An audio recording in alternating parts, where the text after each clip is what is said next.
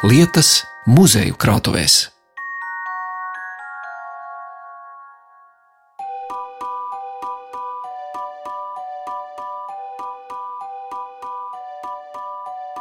Vidzemes ziemeļos, netālu no Igaunijas robežas, atrodas apdzīvota vieta Naukšēni.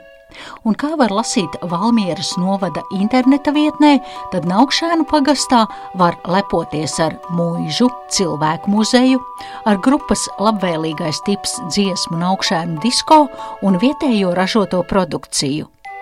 Mans ceļa mērķis bija muzejs, kur ierodoties es neizcēlos ar originalitāti, pavaicājot muzeja krājuma glabātājai Unai Audijānei, kāpēc nosaukums ir cilvēku muzejs.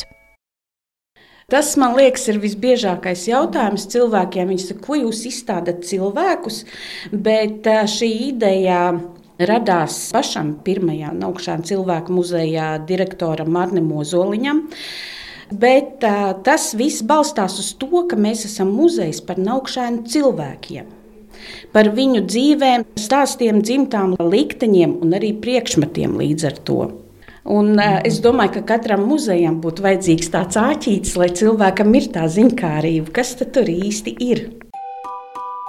Un šajā muzejā mēs laposim fotoalbumu ar stāstu par naukšēnu zēnu pāraudzināšanas iestādi, uzzināsim, kā cukurbiešu sīrupa kanna palīdzēja izciest izsūtījumu Sibīrijā, mācīsimies noaust rumpuci un klausīsimies stāstu par naukšēnieti veco mesteru.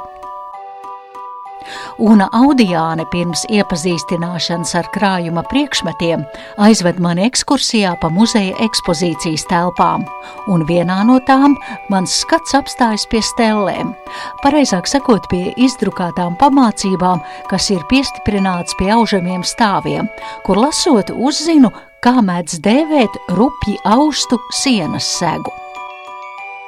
Aužam rumpuci Es zinu, ka ir tādas sēnes rumpuči, bet izrādās, ka šo vārdu lieto arī audējs. Tas ir tāds vietvārds, tas ir tā saucamais vienkārtnis, parastais audums, viens uz vienu pusi, otrs uz otru pusi. Pilnīgi vienkārši, bet šai pusē to sauc par rumpuci. Apsēdies steļu sola vidū, turi taisnu muguru, gumijas un slēpju zābakus novelc. Šeit tie, kas atbrauc pie mums viesos, var iesaisties stelēs un paši noaust kādu strīpiņu šajā mūsu muzeja, kā mēs sakām, deķītī, kur mēs laiku pa laikam izritinām, noņemam, un šeit gar sienām var redzēt 15, nu jau 16 gadu laikā, cik daudz ir jau noausts. Nu, tur ir apmēram, es nezinu, kāda 7 metru ruļļa virsū vēl koši, jā, sienas celiņi šajā gadījumā ļoti, ļoti krāsainām līnijām. Nu, krāsas ir laikam atkarīgs no tā, ko kurš no darbiniekiem mājā tajā brīdī āda vai tamborē. Un tad visi, visi mazie galiņi un pārpalikumi tiek atnesti uz šejienu un iausti tajā deķītī. Nekas neiet pazušanā.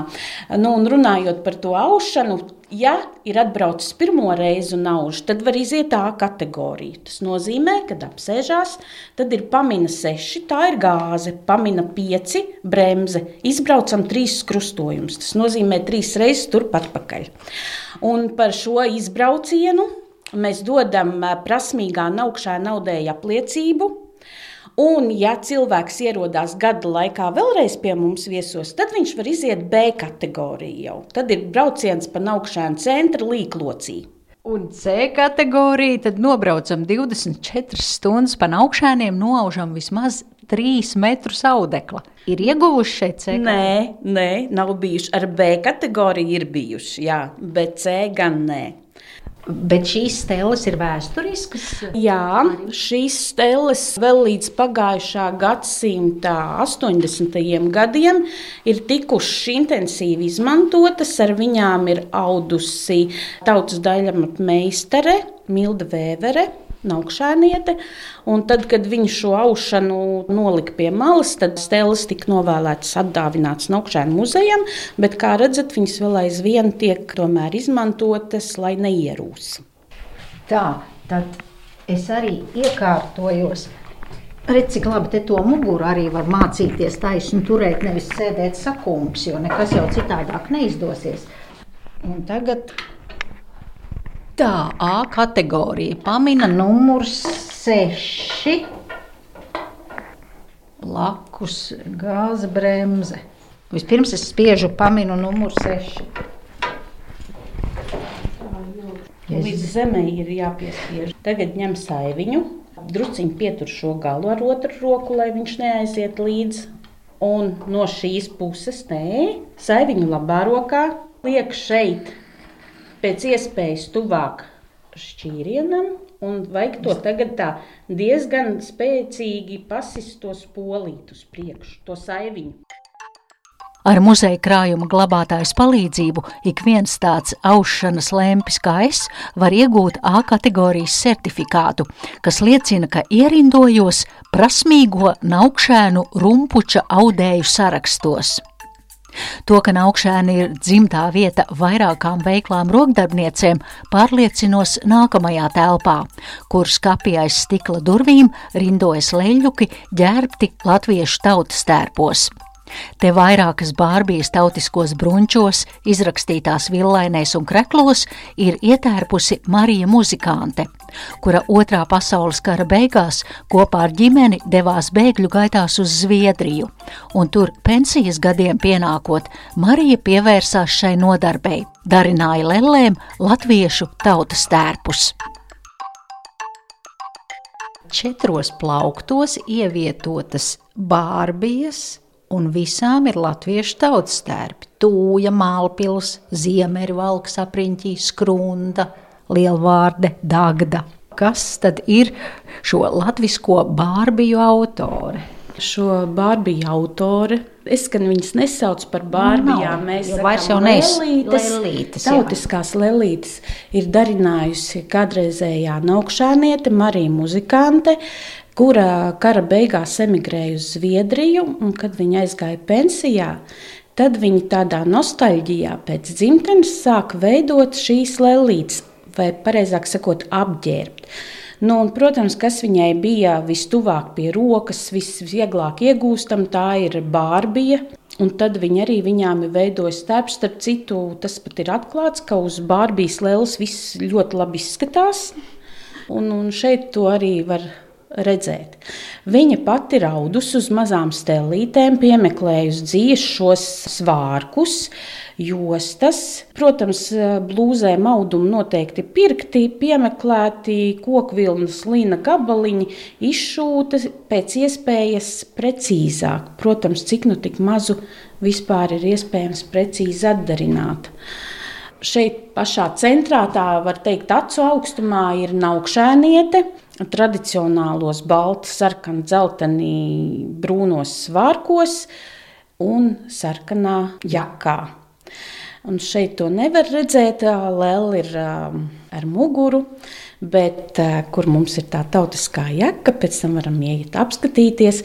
Tur ir, kas ir šeit Ziemeļvidzemē arī raksturīgs, ir tādas uzšūtas austiņas. Tādas nesāja tikai saimnieces, jo šīs austiņas tā bija pieņemts, ka kalpu meitas un sievas nenesāja. Bet es domāju, ka tur noteikti cits, tas ir plus audums, plus maksas šuvējai, ja kāds cits šuja, ka noteikti nevarēja atļauties, nevis tā kā nedrīkstēja.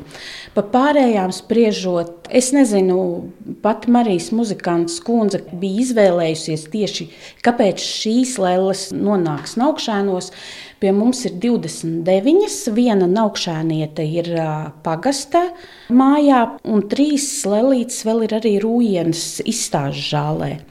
Bet pārējās vairāk kā ap 200, jo ir vairāk kā 200, viņas vispār pēc skaita atrodas Stokholmā, Latvijas vēstniecībā.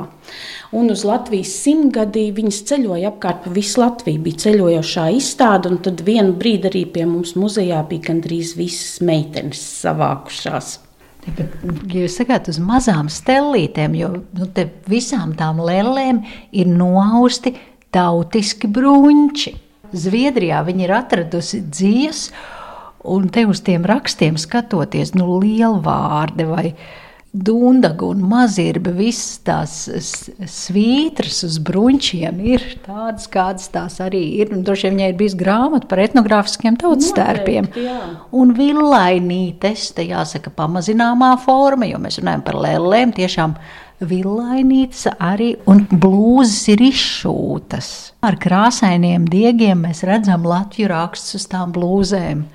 Nu, var redzēt arī, protams, piemeklētos audumus, kas ir veikalā pirkti. Es domāju, ka tas neliecina ne par ko nepareizu vai pareizu. Jo es domāju, ka galvenais uzsvers jau ir tieši šie svārki un izšuvumi. Un Audiāne pēc ieraksta parāda arī ekspozīcijā redzamo ņieburu ar austiņām, kas ir raksturīga vidzemes tautas tērpa detaļa. Sieviešu jakai aizmugurē krokojumi tādi kā ieliektas rožu ziedlapiņas vai spēļu peļu ausis, un kā Una minēja, tad šīs austiņas norādīja uz valkātājas turīgumu, jo vairāk tādu ausu, jo bagātāka tērpa īpašniece. Iepazinušas mazumiņu no augšēnu rokdarbu un rokdarbnieču vēstures, dodamies uz krājumu, lapot pagājušā gadsimta 30. gadu fotografiju albumu, kur ir dokumentēta augšēnu pāraudzināšanas iestādes ikdiena, kad tolaik te uzturējās grūti audzināmi zēni no visas Latvijas. Albums, kas ir laikam viens no senākajiem, jo tas albums ir savā laikā ar speciālu novēlējumu. Šeit var redzēt, augsti cienījamam Naukšānu pagastu vecākam Vikmaņa kungam sakarā ar Tieslietu un ministra kunga viesošanos Naukšānu valsts zēna audzināšanas iestādē 38. gada 27. jūlijā. Zēna pāraudzināšanas iestāde atradās Naukšānu muīšu teritorijā, Un šeit ir vairākas fotogrāfijas gan no mūža, gan ārskati, daži gan iekšskati un tā dzīve, kā viņa ritēja. Šeit ir pats ministra kungs un tieslietu ministrs. Tajā laikā bija Hermans Apsītis, kas, starp citu, ir dzimis Naukšēnos, šeit arī gājis skolā. Ministra kungs uzrunā audzēkņus, un es skatos uz melnbaltu fotografiju, kur ir redzami, var redzēt, ka tiem puikām ir formas. Viņiem visiem ir zeķu bikses, šorti un krekli. Visiem ir īsi nodzīti mati, ierindā visi ir nostādīti. Es nezinu, vai tie ir skauti vai mazpulcēni viņi ir bijuši. Mēs pašķīrām nākamo fotografiju, un te mēs redzam nu, apmēram tādus 9 līdz 12 gadus vecus zēnus, kuri strādā zemeņu laukā var redzēt, karsta vasaras diena, kreklus nometuši tāpat tajās izbiksēs, puikas vai nu ravē vai lasa zemēnes, kādi 15 šai fotografijā. Pāraudzināšanas iestādē bija sava palīgsaimniecība. Vecajā mūža dārzā bija gan augļu koki, gan dārzeņi, tāpat zemenes un arī ne tikai augkopība tā bija, jo bija palīgsaimniecība arī govis, cūkas un viss pārējais savi zirgi. Pieguļā! Jā. Lūk, puikas gaišos kreklos zirgus gana. Cūkas rupši sivēni izrok gardu saknīti, un divi cūgani. Atkal šie zēni gana cūkas. Un Bet arī tas palīgsaimniecībā bija arī siltumnīcas. Viņi jau ne tikai sevi apgādāja, viņi arī pārdeva, audzēja tādus augļu koku, un šeit var redzēt sīpolražu Un te dzīvo darbinieki. Es saprotu, ka tā ir kāda bijusi, nezinu, vai ērberģis kalpuma. Nē, nē, tā ir bijusi muižas pārvaldnieka māja. Pārvaldnieks dzīvojas vienā galā, muižas kalpa otrā galā, viena daļa. Diemžēl ēka tāda, kāda viņa ir šeit fotografijā, nav saglabājusies. 71. gadā viņa nodega. Viņai tagad ir uzcelts otrs stāvs, kā dzīvojamā ēka viņa ir. Šeit ir redzams sieru tornis, tas ir saglabājies. Mēs tur vedam arī ekskursantus. Kas ir siera tornis? Taisīja tur knapsieriņus. Apakšā. Es domāju, tā ir tāda maza observatorija, bet tāda kupola. Jā, jo viņa siera vai pulksteņa tornis, jo dokumentālu faktu mums nav, bet pēc nostāstiem, ka vienā no šiem apaļajiem jumta logiem ir bijis muīšs ļaudīm pulkstenis iemontēts. Un pirmajā stāvā vārīja to sieru, pienu vārīja, un otrā stāvā žāvēja knapsieriņus. Viena vienīga fotografija, kas parāda iekšskatu. Es skatos uz attēlu, kur apakšā rakstīts stūrītis no guļamistabas. Rūpīgi saklātas nelielas koka gultiņas, pie katras gultiņas naktas skapīts, Ziniet, kas ir interesanti, ka redziet, katrs nakts kapīts apklāts ar sēdziņu, un tur ir neliela puķu vāze. Var jau būt, ka tās ir parādas foto, tāpēc, ka brauca tas ministrs, to jau mēs nezinām. Tas interesanti, jā, ka lūk, šādu puīšu guļamistabā katram uz nakts skapīša ir arī ziedu vāze. Šai iestādē uzņem zēnus, kas jau bērnībā sākuši staigāt noziedzīgus ceļus. Zēni, kas šeit nodoti, ir padoti pedagoģa audzināšanai, un vecākiem par viņiem vairs nav teikšanas. Labojamos tur nodarbinās lauksaimniecības darbos, kā arī mācīs amatā. Iestādē ir piešķirti 120 hektāri zemes. Ir arī savs priekšzīmīgi ierīkots augļu dārzs un siltumnīca. Pašlaik iestādē ir 7 zirgi, 23 govis un 25 cūkas. Lai audzēkņus izmācītu par kārtīgiem amatniekiem, iekārtota kurpnieku un galdnieku darbnīca. Tā par Naukšēnu institūciju pagājušā gadsimta 30. gados rakstīja prese, un, kā noprotam, tad tolaik uzsvars tika likts uz darba terapiju.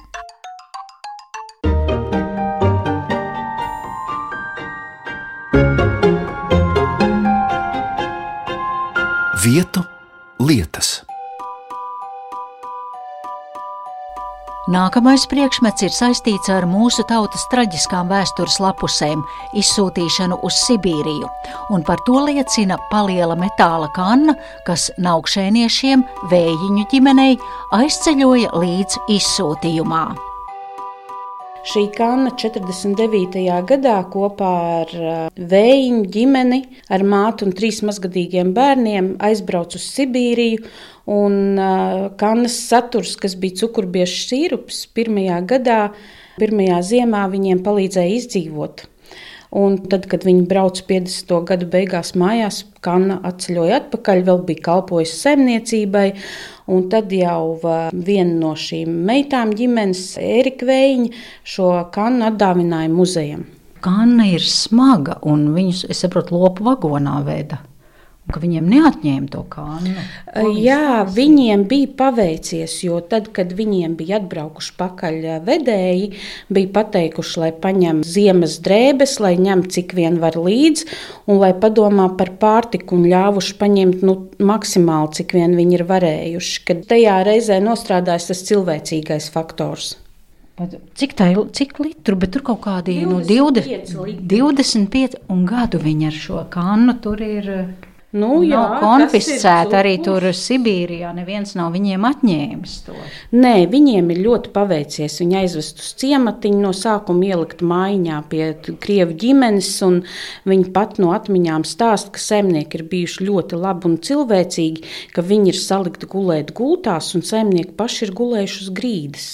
Ilgi viņi tur nav palikuši, meklējuši paši, kur apmesties. Un, un pirmie gadi ir bijuši grūti, bet, kad braukuši prom, viņi jau bija krietnos pusauģu gados, pat lāgā nav gribējusi braukt, jo tur ir bijuši visi draugi, viss zināms, cik varēja nojaust arī laikam pirmā mīlestība kāda, bet eh, mammas dēļ viņi ir atgriezušies šeit visi.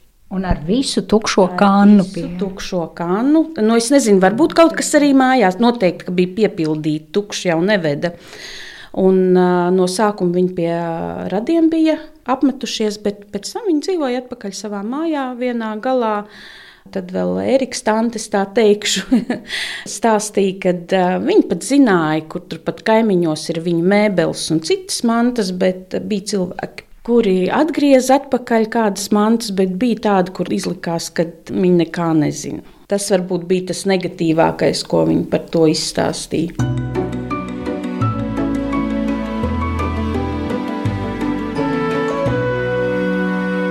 Vietu lietas. 18. gadsimtenī Naukšēnu pagasta mesteru mājās dzīvojis zemnieks, dzimts vārdā Pēteris, šo māju zemnieks. Viņa dzimšanas un miršanas dati gan nav zināmi. Zināms tik tas, ka viņa dzimta mesteros dzīvojot vairāk nekā 200 gadus, kalpojuši zviedru ķēniņam, bijuši dūšīgi karavīri un pastrādājuši daudz varoņu darbu, par ko zviedru ķēniņš tos atbrīvojis no mūžas klaušām. Bez mesteriem 1601. gada revīzijā Naukšēnu pagastā bijuši apdzīvoti vēl tikai divi ciemi - Veceļi un Udzeni, kuros toreiz dzīvojuši Igauni bet 1638. gada revīzijā šajos ciemos jau dzīvojuši latvieši. Pēters Mesters ir dzīvojis šai pusē 18. gadsimtā. Viņa dzimta gadiem ir pletusies platumā, un, kā teica Una Audijāne, tad šobrīd Naukšēnos gandrīz nav nevienas dzimtas, kas nebūtu kaut kādā radniecībā ar atvasēm no vecā mestera ciltskoka. Savukārt Pētera Mestera vārds tika daudzināts, un naukšēniešu apziņā ir palicis kā tēls, kas iemiesojas sevī krietna un spēcīga cilvēka īpašības. Un Audijāne rāda man pierakstus, kas ir atceļojuši no Austrālijas, kur kāds cits naukšēnietis ir atminējies nostāstus par Pēteri Mesteru. Krājumā atrodas Teodors Saivis, kādreizējā naukšēnieša atmiņas, jeb vecais mesters un viņa cilts likteņgaitas. Man liekas, ka tā ir tāda naukšana vēsture. Bet tās atmiņas, kur jūs tādas atradāt un kur tās ir eh, nodrukā, eh, Viņas ir, ir eh, atsūtījis Teodors Saiva dēls Gunters Saiva, kurš dzīvo Austrālijā, savā laikā Rujens vēstnesim. Un uh, tad ir arī šīs atmiņas augšāniem, arī, jo tā ir tieši, tieši sakars ar mums.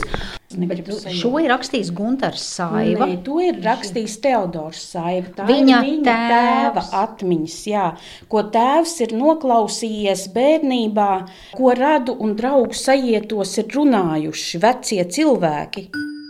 Cik liela bijusi mesteru saimnieka dzimta, sākoties Ziemeļu karam un mēra laikiem 1710. gadā, nav zināms. Toties ir zināms, ka vecais mesters, tas ir Pēteris, toreiz bijis jauneklis. Apmeklējis mūžas skolu, iemācījies vācu valodu un mācījies zemkopību. Bijis liels grāmatu lasītājs un pa vaļas brīžiem izlasījis visas pieejamās muškunga grāmatas. Tas tāda nu, vietējā naukšana folklora. To... Jā, jā, tā ir vietējā folklora. Un iespējams, ka pat šeit tie atgadījumi vairāk vai kas pat ir no vairākiem cilvēkiem piedāvāti vienam. To arī nevar zināt, bet man šķiet, ka tas jau nemaz nav tik svarīgi. Jā, jo galvenais jau ir tie fakti. Vecais meistars bijis ļoti dievbijīgs lēns dabas cilvēks. Gājis katru svētdienu baznīcā, kristījis bērnus un izvadījis mirušos no mājām. Dažreiz aizvietojis mācītāju, apstāvējis mirušos arī kapsētās. Savas mājas dārzā audzējis dažādus ārstniecības stādus un ar pašgatavotām zālēm un tējām ārstējis garo klepu, aizdusu, vēdera sacietējumus, galvas sāpes un citas slimības pret sasturtojumiem lietojis sapilējušu maizi. Pūšļošanu un buršanu nav atzinis un visādi cīnījies pret dažādiem māņiem. Ļaudis pie viņa nākuši visās savās bēdās, un viņš tiem palīdzējis kā vien varēdams, kā cilvēkiem tā lopiem. Ja zāles nav līdzējušas, tad kopīgi noskaitīta lūkšana devusi vismaz sirdī atvieglinājumu. Kāds cits nostāsts vēsta, ka vecais meistars bijis arī liels bitenieks Viņam mežā kokos bijuši pakārti bišu stropi. Lāči nākuši pēc medus un šos stropus izpostījuši. Vecais mesters izgudrojis veidu, kā pret to cīnīties. Viņš pakāris kokos pret stropiem striķī smagas koka vāles. Kad nu lācis gribējis tikt pie medus, tā šim vāle bijusi jāgrūž nost. Vāle, šūpojoties striķī, nākusi atpakaļ un situsi lācim pa galvu. Lācis saniknodamies atgrūdis vāli arvien spēcīgāk, bet līdz ar to dabūjis arvien stiprāku sitienu pa galvu. Vienreiz pat viens tāds medus zaglis atrasts zemē pie koka beigts, bijis pats sevi nositis. Šobrīd muzeja darbinieki turpina pētījumus par Pēteri Mesteru, ko savā ziņā var dēvēt par naukšēniešu ciltstēvu, un nostāsti par kuru ir ierakstāmi šī pagasta vēsturē. Par naukšēnu cilvēku muzeja vērtībām stāstīja muzeja krājuma glabātāja Una Audijāne, fragmentus par Pēteri Mesteru lasīja Girts Bišs, raidījumu veidoja Zane Lāce Baltalksne vietu, lietas.